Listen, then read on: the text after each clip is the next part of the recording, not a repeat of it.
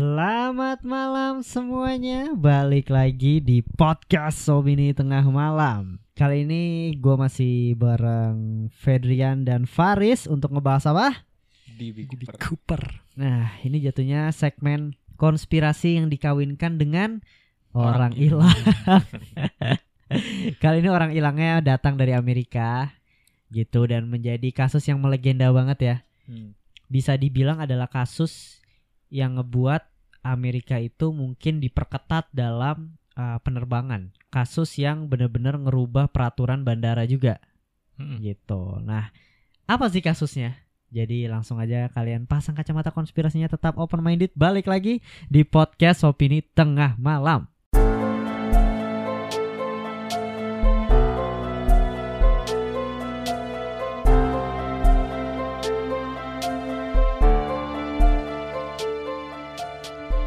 Nah, para pendengar, apa kabar? Semoga kalian pada sehat-sehat selalu dan semoga di bulan puasa ini ya, puasanya pada lancar gitu. Amin. dan kalau seandainya buat killing time bisa dengerin opini tengah malam ya. Iya. Gitu. Tiba-tiba pas buka puasa udah, wih udah buka aja nih kayak gitu. Dan seperti janji ya, Fedrian di segmen ini akan closing. Kalau ingat Lupa kan lu?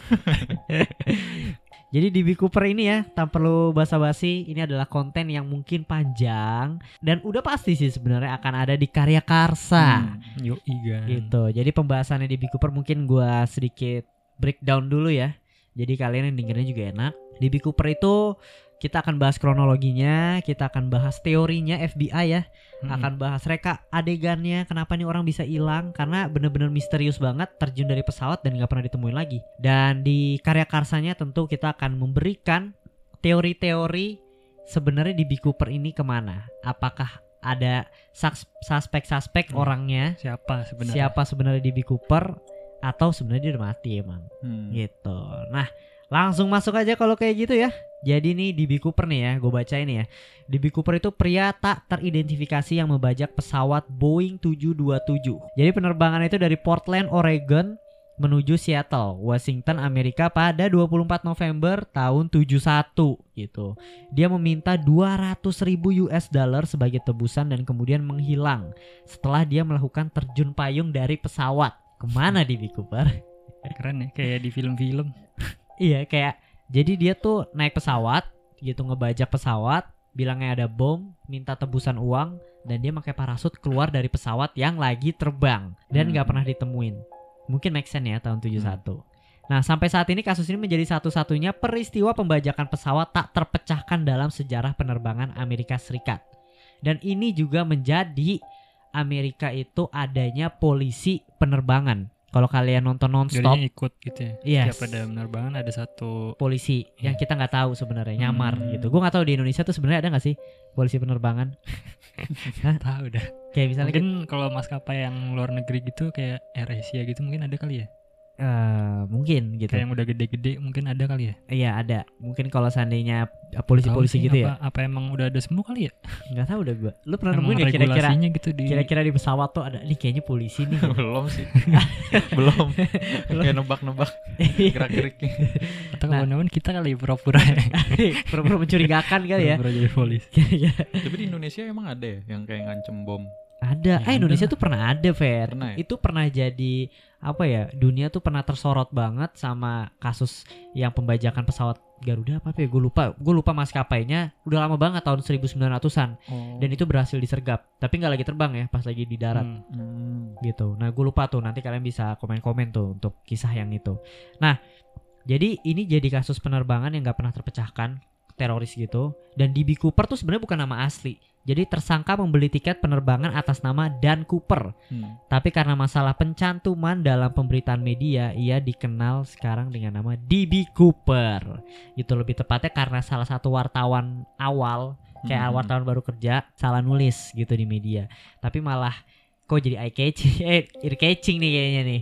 Jadi namanya DB Cooper. Lebih keren sih, lebih misterius. Iya, padahal dia mencantumkan disebutnya. namanya Dan Cooper gitu. Nah, teori bermunculan akhirnya, mulai dari para ahli sampai orang awam pun berteori ke mana sebenarnya Dan Cooper ini pergi.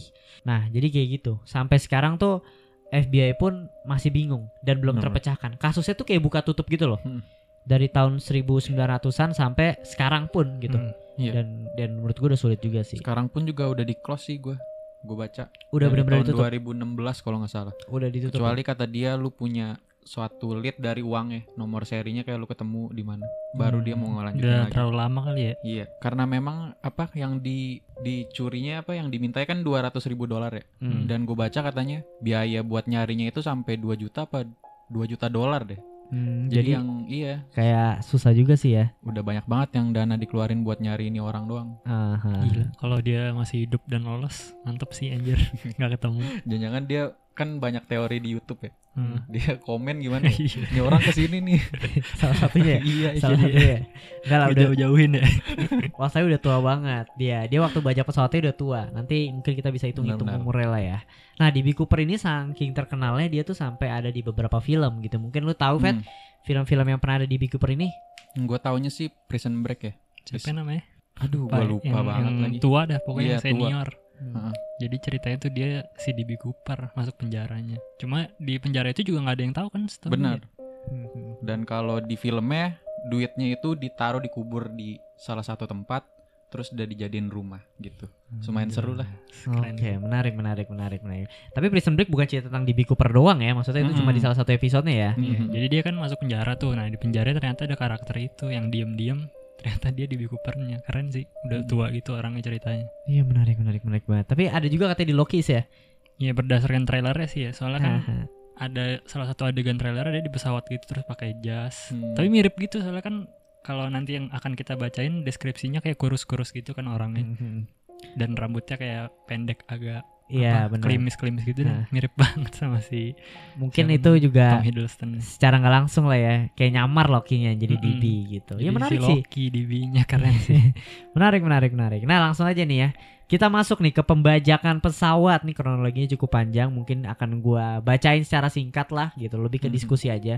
Jadi tuh pada tanggal 24 November 71 seorang pria kurus nih ya berambut gelap memiliki atau membeli tiket seharga 20 dolar atas nama Dan Cooper di banda di Bandara Udara Internasional Portland. Nah, jadi si DB ini memakai jas berwarna gelap, dasi yang dijepit dan kacamata hitam dan dia tuh sebenarnya berpenampilan sangat amat sopan gitu. Nah, akhirnya si DB masuk nih ke pesawat di Boeing 727 gitu. Nah, dia itu duduk di 18C. Gila ini detail banget nih. Gue baca Mhm. bener-bener detail banget karena menarik nih. Dia tuh sempat menyalakan rokok. Gue nggak tahu ya apakah dulu tuh masih boleh kali bandara sambil eh di pesawat sambil ngerokok ya. Gitu dan dia tuh memes- memesan bourbon dan air putih gitu. Beberapa saksi mata menyebutkan umurnya sekitar 40 tahun. Nah, ini tadi gue bilang umurnya aja sekitar 40 tahun dan dilihat tahun 71. Coba kalau seandainya dia masih hidup tahun 2021 umurnya berapa? 10. Wah, 80 90. 80 90 ya. Wah, kemungkinan besar juga kalau seandainya hidup pun udah meninggal dan susah banget kan Hmm. gitu. Nah, ini nih ciri-cirinya itu dia kurang lebih tinggi badannya itu 178 cm sampai 185 cm gitu. Eh, bener dong? 1 cm kan ya hitungannya ya? Hmm? Bukan meter kan? Kalau Hmm. meter tinggi banget. ya? Hmm. Oh iya iya. Tintan. Kita berubah. Kata anjing DB Cooper. Nah, ke- akhirnya pesawat lepas landas nih pada jam 14.50 waktu setempat. Si DB ini manggil nih pramugari. Kayak- Hmm. Asik. Neng. Enggak, Neng. Cooper Kun, Cooper Kun.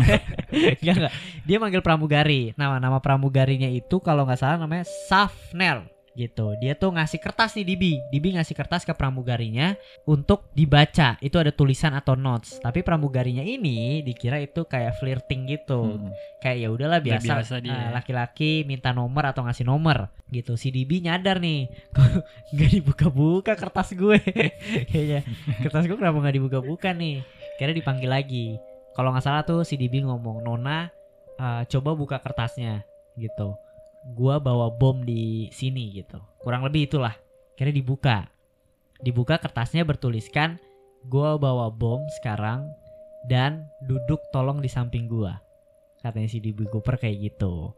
Nah, si DB ini akhirnya si nur eh si pramugari ini nurutin nih duduk di samping DB.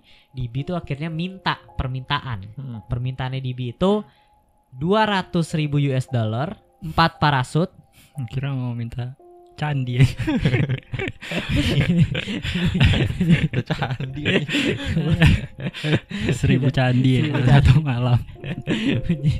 Plotis banget aja Cuma kalau di Indonesia. itu kalau di Indonesia sih enggak dia minta 200 Ribu, ribu. US dollar itu gue lupa nominal kalau di Indonesia di Tapi rupiah itu zaman dulu juga pasti. Kalau zaman sekarang kayak mahal banget deh. Eh, maksud eh, gede.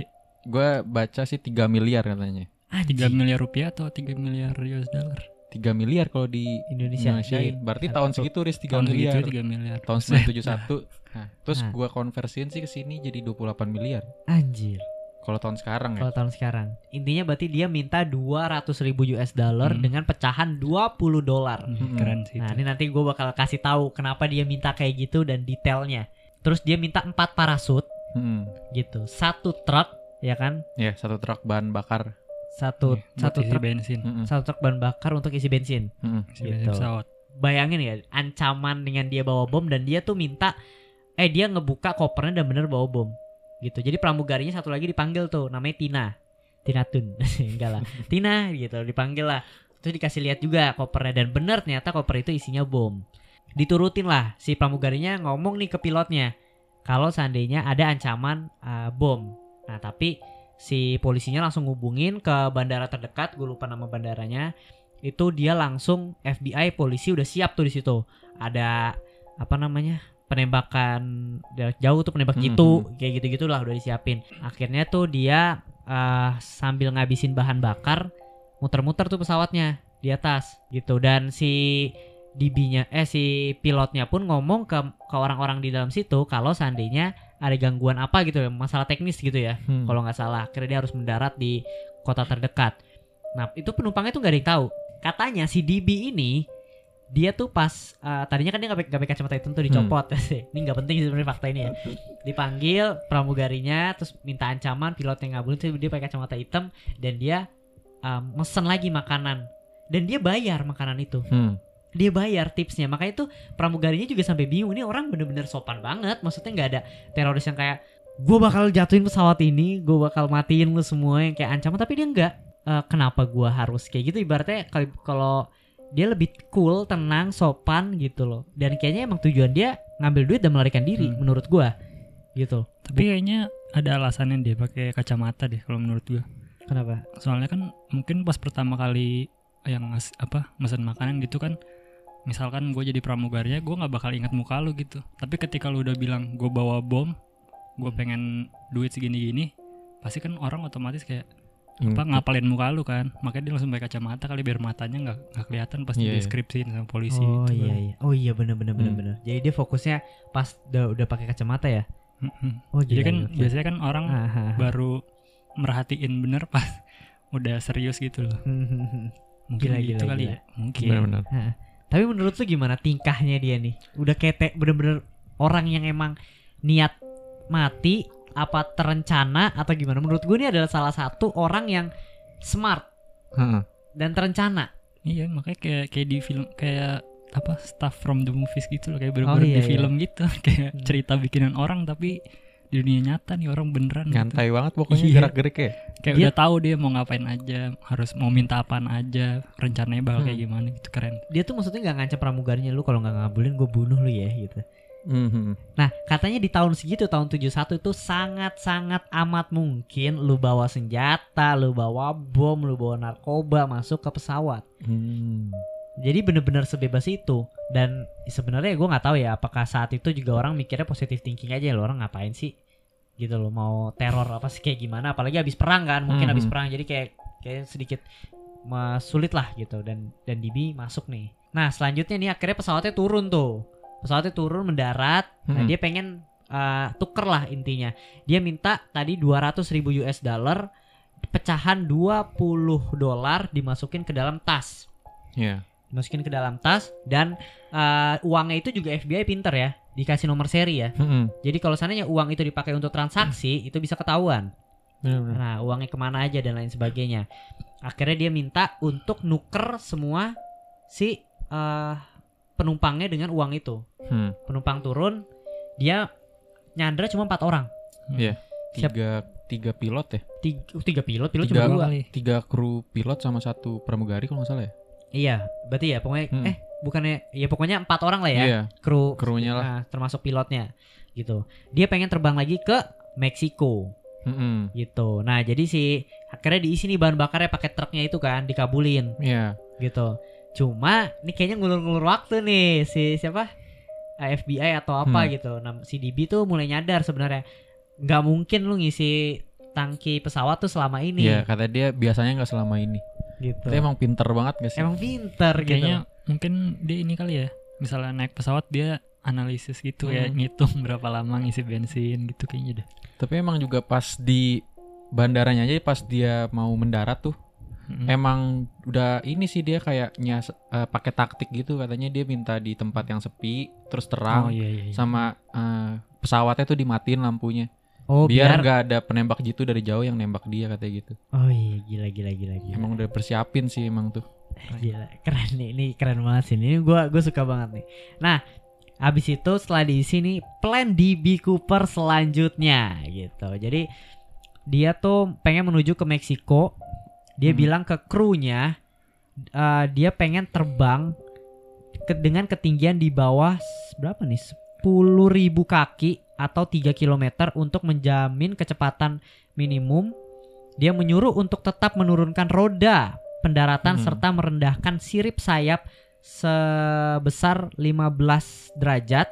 Sementara untuk menjamin ketinggian pesawat tetap rendah, dia memerintahkan agar membiarkan kabin untuk tidak bertekanan. Mm-mm. Jadi co-pilot si William Rastazak memberikan informasi kepada Cooper bahwa rentang jarak yang dapat ditempuh pesawat itu di bawah konfigurasi Cooper terbatas sekitar 1000 mil atau serat- 1600 km yang berarti mereka harus mengisi bahan bakar sekali lagi sebelum masuki Meksiko Mhm. katanya. Nah, akhirnya Cooper dan kru kokpit kemudian setuju untuk berhenti di Reno, Nevada untuk pengisian bakar bahan bakar. Terus Cooper tuh memerintahkan agar pesawat lepas landas dengan pintu kabin belakang terbuka dan tangga yang juga terbuka. Petugas kantor maskapai di Norwest memberitahu kru pesawat bahwa hal itu tidak aman. Tapi Hmm. Cooper membantah dan mengatakan bahwa hal tersebut aman sambil mengatakan bahwa dia sendiri yang akan membuka ketika mereka sudah di udara. Nah, sebenarnya hal ini itu aman aja dilakuin, tapi nggak pernah juga dilakuin untuk sebelumnya gitu loh. Untuk Hmm. apa juga? Hmm. Dan katanya informasi ini yang membuka tadi tuh kabin dan lain sebagainya saat pesawat terbang itu tuh nggak diketahui di uh, orang umum. Hmm. cuma orang-orang teknisi atau apa yang tahu tentang kalau itu tuh aman. Gitu. Makanya si DB tuh sekeren itu sepinter itu dan orang juga kaget untuk uh, dia bilang nggak aman tapi dia ngomong nggak aman gua sendiri yang bakal buka kalau nggak aman. Mhm. gitu kayak kalau mungkin kalau seandainya dia dibilang enggak nggak aman oh dia nanti pramugari yang buka gitu loh ngancem lah pramugari suruh buka Hmm. tapi dia sendiri yang buka kayak kenapa nggak dia cabut aja bisa dapat duit 200 ribu dolar US dollar gitu cabut ke semak-semak atau Semak-semak ntar keluar bangun dari mimpi nyari semak-semak Rencana lah gila. Dia udah nyuruh terbang cuma 10.000 kaki. Itu kan dia udah bersiap buat. Terjun di tengah jalan. iya loh sampai sirip Sampai- sayap iya, turunin sampai 15 derajat derajatnya, anjir. tahu loh. gila ya Makanya dia menurut gue kayak dia berpengalaman deh antara dia emang ngerti pesawat teknisi atau Hmm. atau pernah jadi pilot kayaknya deh. nah itu harusnya sih ya. iya entah mantap Soalnya- teori lu soalnya ya. dia Joki. tahu tahu apa? Lebih tahu daripada ininya malah pramugarinya iya ya. sih Kayak teknis pesawatnya gitu. Yes gitu pokoknya singkat cerita akhirnya pesawat ini lepas landas lagi nih Hmm. gitu. Dia lepas landas menuju Meksiko dan akan mau mendarat ya di di Reno tadi lah kurang Mhm. lebih. Nah, habis itu si DB tuh nyuruh kru pesawatnya itu untuk masuk ke toilet gitu ya. Dikunciin Ah, kalau nggak salah. ke ruang pilot ya Oh, udah ke ruang pilot, Hmm. terus dikunci. ya nggak boleh nggak boleh keluar lah udah dari situ dia di situ aja Mm-mm. stay Nah, akhirnya tiba-tiba tekanan itu berubah. Mm-mm. Nah, si pilot tahu ada pintu yang dibuka. Gitu. Mm-mm. pintu yang dibuka itu adalah pintu yang tadi tuh yang tadi aman atau enggak gitu akhirnya si DB pas uh, pintu dibuka itu pilot juga tahu kalau seandainya emang ada tekanan yang berubah. Dia di situ dibilang udah nggak pernah ditemuin lagi sampai sekarang Benar. gitu. Dan itu cuacanya itu kalau nggak salah eh, malam Mm-mm. berkabut Hujan. dan Iya. hujan. Iya, bener banget. Gue gelap banget lah. Dan ketika lu buka pintunya gue lihat juga memang di deskripsiinnya tuh katanya banyak awan lah. Lu nggak bakal bisa ngeliat ke bawah gitu. Cuma awan doang. Iya. Jadi pas lu loncat mah lu nggak tahu lu loncat di di saat kapan Apa, gitu. apa bunuh diri ya? Tapi apa apa udah dihitung kali ya? Maksudnya dia tahu jalur pesawatnya gitu. Apa Ah. namanya? Jalur penerbangan. Jadi dia tahu dia bakal lewat situ, nanti dia turun pas udah di kilometer ke berapa. Oh tapi gue nonton gitu katanya ini Riz dari statement si pilotnya Hmm. katanya tuh eh, jalur yang dia ketuju ke Reno itu itu tuh full kontrol si pilotnya sendiri. Mm-mm. Jadi Apa? si Gimana? jadi Iya, pas iya. dia mau ke Reno yang eh, ngambil jalurnya itu si pilotnya itu loh. Jadi si DB-nya tuh nggak tahu lewat mana. Ah, Ngerti gak? ngerti ngerti. Enggak cuma kayak dia kayak udah tahu gitu loh. Pilotnya pasti bakal lewat sini gitu, Fed maksud gue. Oh Soalnya dia tahu di- daerah Oh. bawah kan pas dia lokasinya tuh ada di mana. iya sih. Maksudnya kan kalau pesawat gitu kan nggak bisa lu sembarang terbang sesuka lu kan. lewat lewat mana aja gitu. Hmm. Iya Harus ada ya. jalurnya. Hmm, Mungkin dia tahu kali ya. Orang dalam jangan-jangan. Makanya. Nah, semenjak itu DB Cooper menghilang. Sebelum kita masuk investigasi, kita diskusi dulu nih. Kira-kira nih, menurut lo berdua gitu. DB itu ke mana nih? Sih, ini kita teori kita aja dulu, karena kita udah udah ada teori dari FBI gitu loh. Mana Fed? Sebelum lu baca, Hmm. sebelum lu baca sebenarnya DB itu uh, teori dari investigasi FBI. Kita kan udah baca nih, tapi Hmm. sebelum lu baca tuh dulu pas lu baca ka- tahu kasus ini tuh ke mana? Gue mikirnya mati aja udah. Karena kan nggak tahu lokasi yang tadi dia bilang dengan cuaca segitu ya Hmm. terjun mati. Menurut gue. Iya sih. Udah pasti pilihannya antara hidup sama mati gak sih? Iyalah. Iya kan? Iyalah. Udah pasti. Maksudnya tapi kalau mati di mana anjir? Kagak ketemu mayatnya. Parasutnya juga gak ketemu. Iya. Nah, gue lupa deh parasutnya itu di- dikasih empat ya. Mm-mm. Terus tiga itu parasut apa sih? Gue cadangan kayak ada. Maksudnya tak tadi yang gue baca sih dia takut salah satu ada yang disabotase gitu. Jadi dibolongin atau diapain gitu, makanya dia bisa nempat. Nah, Misalnya kalau satu ada yang rusak, dia bisa pakai ada cadangannya gitu. Tapi ada investi ini juga guys eh, analisanya dia mesen empat itu karena dia bawa Sandra empat orang. Iya, Jadi seolah-olah iya seolah-olah ya lu kalau mau aman kasih gue parasut yang benar gitu loh. Karena gue bawa empat orang Hmm. juga nih gitu. Cuma Hmm. kalau nggak salah tiga parasutnya itu parasut latihan ya yang nggak bisa dibuka atau apa sih? Aduh gue lupa tuh. salah satu deh setahu gue. Salah satunya dan itu yang dipakai dia kan? Mm-mm, yang hilang. Dan juga parasut yang dia pakai tuh pokoknya nggak bisa di setir gitu loh. Nggak bisa dikendaliin kiri kanan. Kan ada kan yang Hmm. ditarik kiri, Hah. ke kanan kanan kan. Hmm. Oh, Dia dia jadi cuma turun doang udah gitu. Nggak bisa dikendaliin. Oh. Ini kalau ke laut pasti mati sih itu. Kalau Iya di sih, tengah laut, tengah laut. iya pasti mati dia. Keren keren keren keren keren. Oke menarik menarik menarik. Kita langsung masuk ya ke investigasinya nih polisi. Jadi banyak banget faktor yang membuat Cooper itu sulit ditemukan katanya. Mulai dari lokasi yang terlalu luas, terus jam Cooper terjun itu yang sebenarnya sekarang juga masih belum tahu kapan itu. Hmm. Jadi kalau nggak salah jam 8 malam terus uh, masuk si Coopernya itu masukin si co-pilotnya dan kru-krunya itu di ruang kokpit itu terus dia dibuka pintu itu dan nggak tahu kapan dia terjunnya gitu. Jadi kalau punya waktu kan uh, sebenarnya ketahuan gitu kan. Dan waktu Cooper terjun pun nggak masuk radar dari pesawat uh, yang ngikutin Oh iya pesawatnya Cooper. Jadi ada Gitu. dua yang ngikutin si Ah, ah. pesawat itu ya. Satu di atas, satu di bawah pesawat jet. Yes, gitu. Dan apa mungkin karena gelap juga ya? Tapi radar sebenarnya nggak ngaruh kan untuk gelap juga. Iya, tapi nggak bisa emang ya radar ngedeteksi orang gitu. Kecil. Maksudnya kalau kalau kapal, eh kalau kapal, kalau pesawat gitu ngedeteksi pesawat masih ini deh. Gue nggak tahu sih dia bisa ngedeteksi orang atau enggak. Iya katanya sih gitu. Dan eh, dia juga bilang awan tebal menutupi segala cahaya dari kota di bawah mereka. Seorang manusia dengan pakaian serba hitam bisa saja terlewatkan tanpa terdeteksi katanya. Soalnya udah serba hitam juga kan. gitu. Nah, Ketabrak kali. Tapi nggak nyadar. kayak Taruh pesawat. ternyata ternyata yang malah dibunuh sama ininya ya sama pesawat yang bawah kan Iya. iya Apa tuh anjing? Udah biarin aja dah. Oh, air hujan-hujan. udah hujan hujan kalau nggak burung deh burung ya kan Iya, yang burung. paling masuk akal gitu nah selanjutnya nih reka adegan akhirnya dibuat nih ya sebuah reka adegan dilakukan ulang menggunakan pesawat yang sama yang dibajak oleh Cooper di bawah konfigurasi yang sama juga juga dengan pilot William Scott jadi pilotnya juga sama nih agen FBI mencoba menggunakan sebuah rentetan seberat eh eretan seberat 200 pon atau 91 kg untuk didorong keluar dari pintu belakang pesawat. Mereka berhasil membuat kembali gerakan ke atas pada ekor ekor pesawat sesuai gambaran kru kokpit pada pukul 20.13. Di mana itu lokasi kebukanya itu ya Hmm. yang si Cooper lompat gitu. Berdasarkan percobaan ini disimpulkan bahwa kemungkinan yang paling tepat mengenai waktu lompatan Cooper pada pukul 20.13. Eksplorasi awal memperkirakan lokasi pendaratan Cooper adalah di selatan lembah Gunung Helen.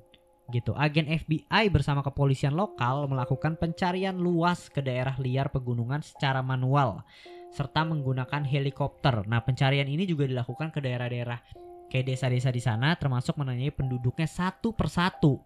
Namun tidak ditemukan jejak Cooper maupun barang dan peralatan yang mungkin keluar dari pesawat bersama dirinya. Gimana tuh? Udah nanya satu-satu orang kan, ditanyain lihat orang ini ya gitu. Dan nggak ada orang yang lihat itu dan buktinya pun nggak ada. bisa, bisa, bisa jadi dua lagi antara hidup sama mati. kalau hidup kan dia kabur, jadi orang-orang itu nggak ngeliat. Hmm. Nah kalau mati dia nggak nyampe ke situ, jadi orang-orang itu nggak lihat. Iya sih. Iya, makanya karena terlalu luas kan katanya. Bener. gitu dan pencarian ulang dilakukan nih pada tahun 1972 gitu. Ketika memasuki musim semi, tim FBI dibantu 200 tentara bersama dengan pasukan angkatan udara, pasukan keamanan nasional dan sukarelawan. Gila sampai 200 orang turun juga loh. Melakukan pencarian ulang secara intensif di daerah Club Country dan College Country selama 18 hari pada bulan Maret dan ditambah 18 hari pada bulan April gitu. Pada akhirnya operasi pencarian yang diklaim? Sebagai pencarian paling ekstensif dan juga intensif sepanjang sejarah Amerika Serikat tidak berhasil menemukan material yang berkaitan dengan pembajakan di B. Cooper. Gila, ini udah dilakuin pencarian lagi loh. Dan masih Itu. dan masih Bingung belum ada. Kemungkinan itu antara hidup Iya. Mau dibilang mati tapi nggak ketemu, dibilang hidup juga nggak ketemu. Iya. Jadi bingung. Iya tapi anjir sumpah dah. Tapi kalau misalkan mati harusnya ditemuin ya. Iya nggak sih? Minimal kan ada parasutnya, Riz. Iya benar parasut itu paling paling Makanya. gampang lah Iya kan? Maksudnya kalau emang mati harusnya ketemu. parasutnya berarti hidup. Duit Tapi nggak ketemu ya. Enggak, seandainya hidup kan tapi duit yang berseri itu nggak kepake kan berarti. Nah, iya loh. Dah. Apa ini kali ya keluar misalnya ke ke Indonesia terus duitnya, duitnya ditukar gue ke money changer coba coba ke detect gak sih sebenarnya juga Apa? ke detect pasti. Enggak lah. Kalau udah di Indonesia. Kalau ke Indonesia apa gimana nih? Kalau ke Indonesia kan beli belinya oh nggak pakai seri itu. Oh iya Belinya nggak bisa. pakai seri itu. Pas ya. di sini baru ya. Anjing, sumpah itu teori paling mantep anjir. ditukar duit aja money changer anjir money changer yang pinggir jalan Money changer pinggir jalan aja. kan itu gak gak gak kedeteksi pemerintah ya Beli di Indonesia, dia salah beli gue uang mainan aja dikira money changer aja. Nah. Gitu ya. itu bagus sih. Itu itu analisa oke lah gitu. Nah akhirnya penemuan bukti fisik baru nih ada nih. Pada musim gugur tahun 78 wah ini jaraknya udah berapa tahun ya? Ah, 7 sebuah plakat berisi instruksi untuk membuka pintu belakang Boeing 727 ditemukan oleh pemburu rusa sekitar 13 mil atau 21 km di daerah timur Castle Rock, Washington. Gitu. Mulai keta- ketahuan nih bukti fisiknya. Tapi Iya. kan kalau seandainya sebuah plakat berisi uh, pintu Boeing kan ya udah kayak dibuka juga paling jatuh pintunya. Mungkin. Hmm. gitu belum tentu lokasi DB hidup apa enggak Tapi ini yang mendukung teori ini sih Bim DB-nya nggak selamat karena saking kencengnya angin pas saat itu. jadi pas didorong jatuh itu ya Jadi pas dibuka pintunya saking kenceng anginnya itu Hmm. loh. Jadi plakatnya ya terbang. Jadi Dia- gimana ya DB bisa hidup gitu. Jadi kocak anjing, bayangin. Jeglek. Ah. Gak bagus aja. Gue bayangin gue udah, udah keren loh. Cik. Asik lompat. Tapi kalau pakai teori tadi jadi kocak. jadi te- teori tadi tuh kayak kita yang lihat dia sopan tenang udah gitu kayak keren kan. Iya. Mati gitu doang. maaf maaf udah teriak-teriak gitu kan iya iya iya. Bisa bisa. Nah tapi pada ta- pada tahun 80 nih Februari seorang bocah berumur 8 tahun bernama Brian Ingram sedang berlibur bersama keluarganya di sungai Columbia. Dia menemukan tiga paket uang tebusan Cooper dalam kondisi masih terikat karet maupun sudah mulai hancur. Kayak tau gak sih lu uang karet yang kalau kita uang bayi itu dikaretin. Di- Ketemu nih akhirnya Teknisi FBI membenarkan bahwa uang tersebut adalah sebagian dari tebusan Cooper. Semua masih tersusun dalam posisi yang sama seperti yang diberikan pada Cooper. Nah, mungkin juga ini bisa diduga eh, ya kalau nggak hidup mati ya. Maksudnya mati sih. Soalnya uangnya masih tersusun rapi. Tapi kan cuma tiga gepok. ya Iya tiga gepok lima ribu dolar. Oh, Jadi siapa tahu kebuka dikit resletingnya terus mental. Tapi Iya, dia masih hidup. iya bisa. Iya iya. Iya sih. Tiga Duh. gepok Dugaannya sih ke bawah sungai sih Bim. Ah itunya uangnya. uangnya. Jadi Oh, jatuh iya. terus ke bawah sungai. Makanya hancur kan. Iya masuk akal sih ya. Iya Bawah masuk sungai. akal. Masuk akal. Ini Iya belum maksudnya cuma tiga gitu kalau kalau dia mampus kayak harusnya Banyak ya? semuanya semua iya sih. Iya iya. tasnya juga ada Hmm. ya. Nah, akhirnya pada tahun 2007 nih FBI mengumumkan lagi bahwa mereka telah mendapatkan sebagian profil DNA Cooper dari dasi yang ia tinggalkan di pesawat saat ia bajak. Ini gue Hmm. masih nggak tahu motifnya dia kenapa dia harus ninggalin dasi di pesawat. itu ininya kali lupa dia lupa kepleset Atau mungkin pas tadi buka anginnya kekencangan dasinya copot. Bisa jadi. Soalnya kan dasinya dasi Ya, tempel harusnya katanya kan. keluar kalau kalau kayak gitu harusnya keluar dasinya Oh iya. nggak ke dalam Iya, dia iya. ketinggalan dia emang lupa dia gitu. Nah, itu menarik banget kan. tapi Nah. ini banget apa telat banget nemunya 2007 Iya dah. Udah udah susah. kejauhan Itu. Itu juga DNA-nya kan. Mm-mm, Gitu, udah DNA jauh juga. banget mau gimana maksudnya yang cocok coba kalau 2007 umur Cooper juga udah tetap aja lap 70 ada lah ya Ada. 80 gitu mau ditangkap juga udah kasihan anjing ya kan ya kan kalau kalau misalnya benar ketemu gitu nah kurang lebih itulah tadi reka adegan dan bukti-bukti fisik yang ditemukan gitu menurut lu gimana nih apakah sudah cukup kuat untuk membuktikan ya kemungkinannya kan dua ya Iya, bro. ini udah mati Antara dua itu dah. iya taruh dua Udah itu dah. mati. ya iyalah Nah, sampai sekarang lu gimana? Tadi kan kita sebelum reka adegan kita udah lihat tuh peristiwanya dan kita kalau dari gua menyebutkan ya kemungkinan besar mati. Hmm. Dari bukti ini juga ah, belum ada tanda-tanda fisik banget yang benar-benar nemuin Cooper DNA pun mau ditemuin DNA juga buat apa kalau nggak ditemuin orangnya kan? Hmm. Gitu. Jadi kalau menurut gue tetap mati sih. tapi gue pengennya dia hidup dah Iyalah keren anjir. Iya, keren. Bukan, bukannya menyupport kejahatan ya iya. cuma keren anjir ya maksudnya daripada ngebunuh orang kan Iya benar-benar setuju. Tapi maksud gue dengan teknologi yang se-advance sekarang mungkin karena kasusnya udah closing Iya. juga ya. Kan di tahun 2016 ya udah di close tuh kan. Mm-mm. Mungkin tahun 2015 sebelumnya juga kenapa eh, dengan teknologi yang udah se-advance sekarang masih belum ketemu, maksudnya belum ada kesimpulan konklusi yang bener-bener itu DB bisa ngelakuin itu mati atau hidup gitu. FBI bilang mati kan nggak salah ya. Tapi mati pun juga Hmm. dia masih belum tahu gitu. kemungkinan dia Kemungkinan besar gitu. mati tapi mayatnya nggak ada secara logika harusnya mati gitu. Ya, Tapi cuma nggak bisa ditemuin udah terlalu lama Iya iya gue gue setuju gue setuju. udah hilang semua Gila, menarik banget ya. Itu tadi kita udah bahas reka-reka Tapi lu adegannya. masih hidup atau mati bro Iya, lu mat dia mau mati. Gue hidup dah.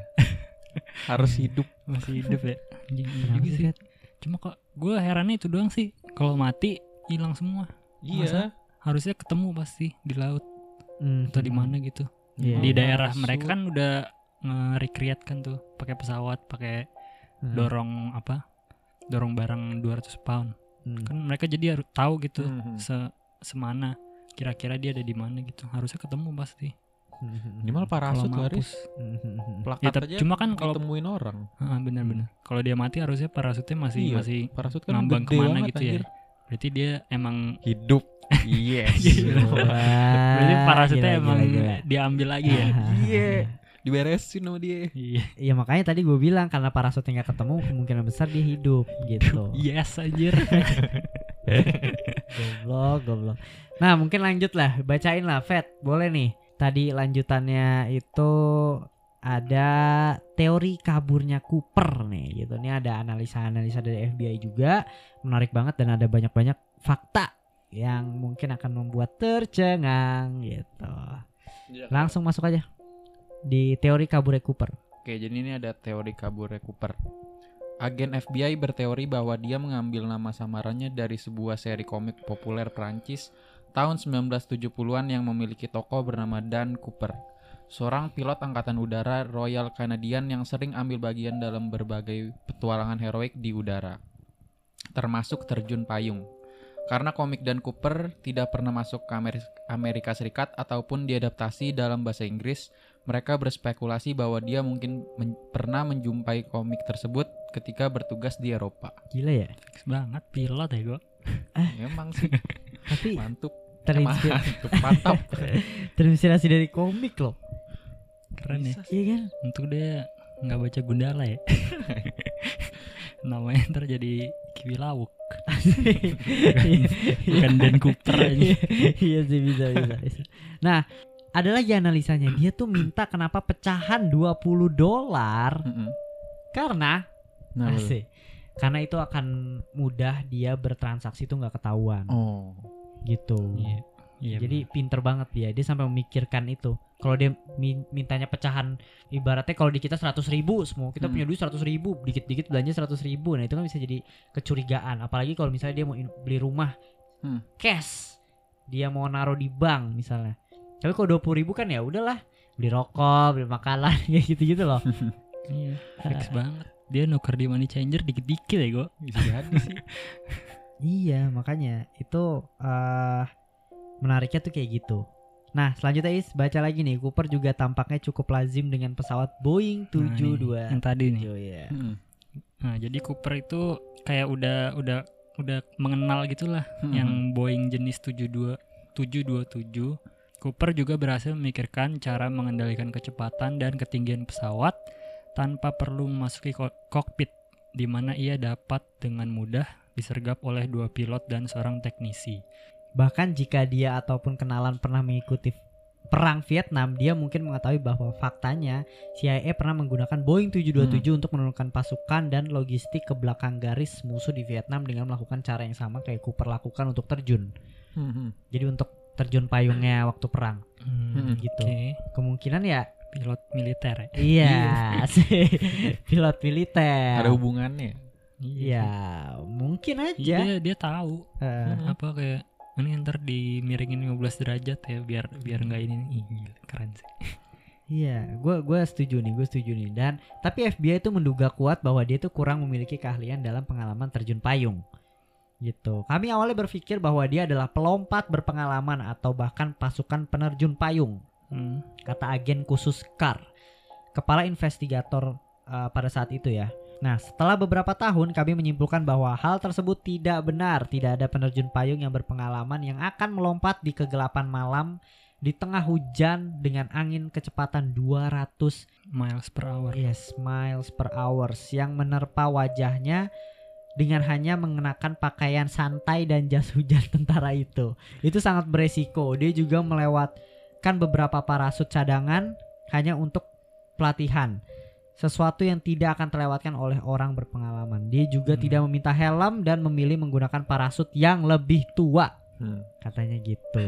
Ya, tapi maksud gua meskipun lu berpengalaman pun ketika lu nyuri duit dan udah mau ketangkep ya itu kan lu Hmm. emang harus terjun bukan Iya sih. bukan karena itu juga kan hal cuaca ya Hmm. dia jadi mungkin pas udah anjing hujan hujan lagi Mau di mana? Kaget ya? Kayak Iya. di luar ekspektasi gitu ya? iya kan pas lu udah jalan anjing hujan lagi Ini kali ya, kan lagi nyantai atau ada geluduk langsung. Makanya disuruh masuk tuh ya. Udah lu masuk deh. Lu masuk ke kokpit sekarang gitu Iya, ya. maksudnya meskipun dia berpengalaman dan tahu kemungkinan sulit tapi kan emang dia harus terjun di saat itu gitu loh Iya, maksudnya hujan Kalau gua bukan ketangkap. Iya, hujan kan di luar prediksi dia. anjing kocak anjing. Anjing. hujan goblok. Udah hujan kan petir lagi takut ya. Ketabrak ini. Nah, asumsi lainnya nih. Asumsi lainnya berasumsi Cooper ini bukanlah anggota pasukan penerjun payung melainkan seorang veteran angkatan udara. Carr percaya bahwa dia mungkin pernah bekerja di pesawat kargo, sebuah pekerjaan yang akan memberikannya pengetahuan dan pengalaman di bidang penerbangan. Dia Hmm. dan juga karena pembuatan kargo eh pemuat kargo bertugas melemparkan kargo keluar dari pesawat.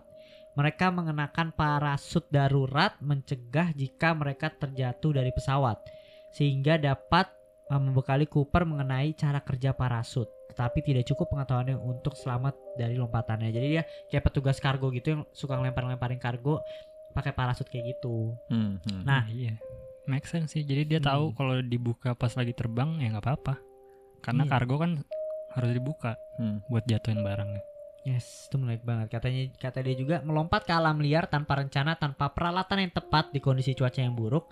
Dia bahkan mungkin tidak memiliki kesempatan membuka parasutnya kata si Kar ini. Eh, bahkan jika dia memang berhasil mendarat dengan aman, hampir tidak mungkin bertahan hidup di daerah pegunungan tanpa lokasi pendaratan yang telah ditentukan sebelumnya. Di mana hal tersebut membutuhkan perhitungan yang sangat tepat dan kerjasama dengan para kru. Tapi Kar menurut gue itu hanya asumsinya dia ya. Karena Hmm. gue yakin Cooper udah udah lebih tahu lah resikonya. Iyalah, udah lagi ongkang-ongkang kaki dia Iya anjing lagi dengan duit curiannya.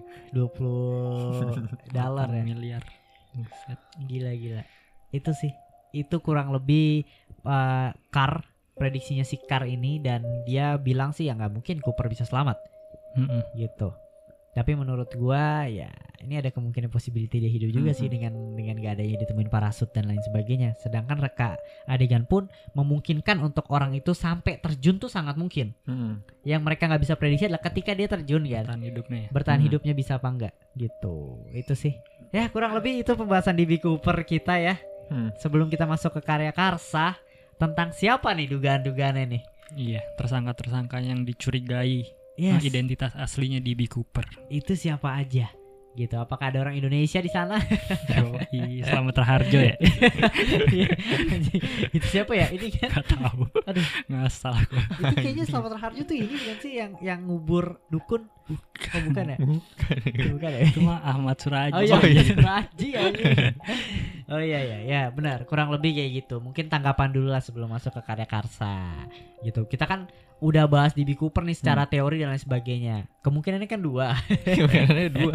hidup, hidup atau mati kan. Padahal kita juga gitu ya. Iya. Pokoknya kemungkinan dua hidup atau mati kan. Jadi kita bahasnya itu aja. Dia hidup atau mati. Dari semua fakta yang udah kita ajukan gitu. Dari gua tetap sih gue pengen mati sih. Walaupun gue pengen dia hidup tapi kemungkinannya kecil. Iya cuma janggal itu doang. Kalau dia mati tuh pasti ditemuin, pasti ditemuin. Tapi duitnya tuh nggak ada yang digunain kan? Eh apa ada ya di kasino katanya ya? Nggak tahu. Cuma kan kalau kayak tadi bisa kayak emang dia nggak punya duit buat beli tiket inian. Iya sih. Maksudnya pakai duitnya dia dulu gitu. Pergi ke luar negeri. Duit gue dulu dah. Rembers ya. Iya. Atau nggak kayak gini? Apa kalau orang kayak gini? Eh lu udah sepuluh ribuan dua gak? Dulu ya. Makanya. Ada gak lu udah sepuluh ribuan dua? Kayak gitu. Tapi nomor serinya nggak sama semua kan? Atau sama semua atau Ya, kayak harusnya kan berurutan. kayak berurutan? Berurutan. Hmm, Iya, Cuma ya kayak tadi, lu beli tiket pakai iya bukan sih. duit duit yang tadi tuh yang 28 miliar, beli tiket misalnya ke Thailand, di Iya, Thailand tuker kasih duit. ya. Iya. Udah dah. bisa sih bisa. Ya atau Nggak mungkin tahu cuma sensasi sih. ya. Mm-mm. kayak gitu. Nah akhirnya nih banyak banget orang-orang yang mengaku dia DB Cooper katanya gitu. Amerika sempat kena teror gitu kalau Hmm. orang ngaku kayak nge-emailin atau ngasih surat gitu kalau dia DB Cooper gitu gue masih hidup, gue lagi lengkang-lengkang kaki lah atau apa Selalu ada sih kayak gitu ya. gitu. Banyak. Zodiak juga seingat gua ada tuh yang kayak gitu. Nah, banyak banget orang yang mengaku DB Cooper sampai FBI pun bingung. Dia tuh punya seribu ya, seribu apa seratus suspek dugaan Hmm. orang Hmm, yang iya. akhirnya ke filter jadi 24 orang dan ke filter lagi jadi semakin dikit semakin dikit Seru, Gitu. seru. kita mikirnya wah pasti ketahuan nih suspek-suspek ini siapa gitu. Nah siapa aja suspeknya dari seribu ya nggak mungkin baca seribu sih. ya pokoknya yang paling possibility lah ya, Iya. paling Hmm, besar, Paling deket. paling dekat untuk DB Cooper bisa langsung kalian saksikan di Karya Karsa sekarang yuk. Asik. gitu. Nah, Fedrian closing nih. Apa lu mau closing di Karya Karsa nih yang bayar doang nih yang tahu? Khusus karya karsa aja. Asik banyak alasan lah. nah siapa tahu Pokoknya orang beli- orang udah beli masih nggak closing juga anjir. pokoknya beli Fedian closing lah gitu harganya murah lah intinya ya sih kayak gitu aja sih ya Hmm. langsung aja deh kalau kayak gitu masuk ke karya karsa dan buat kalian yang dengerin di karya mau dengerin di karya karsa bisa langsung aja dengerin dan buat kalian yang pengen dengerin ini doang juga nggak apa-apa gitu. Berarti sampai ketemu di episode berikutnya. Bye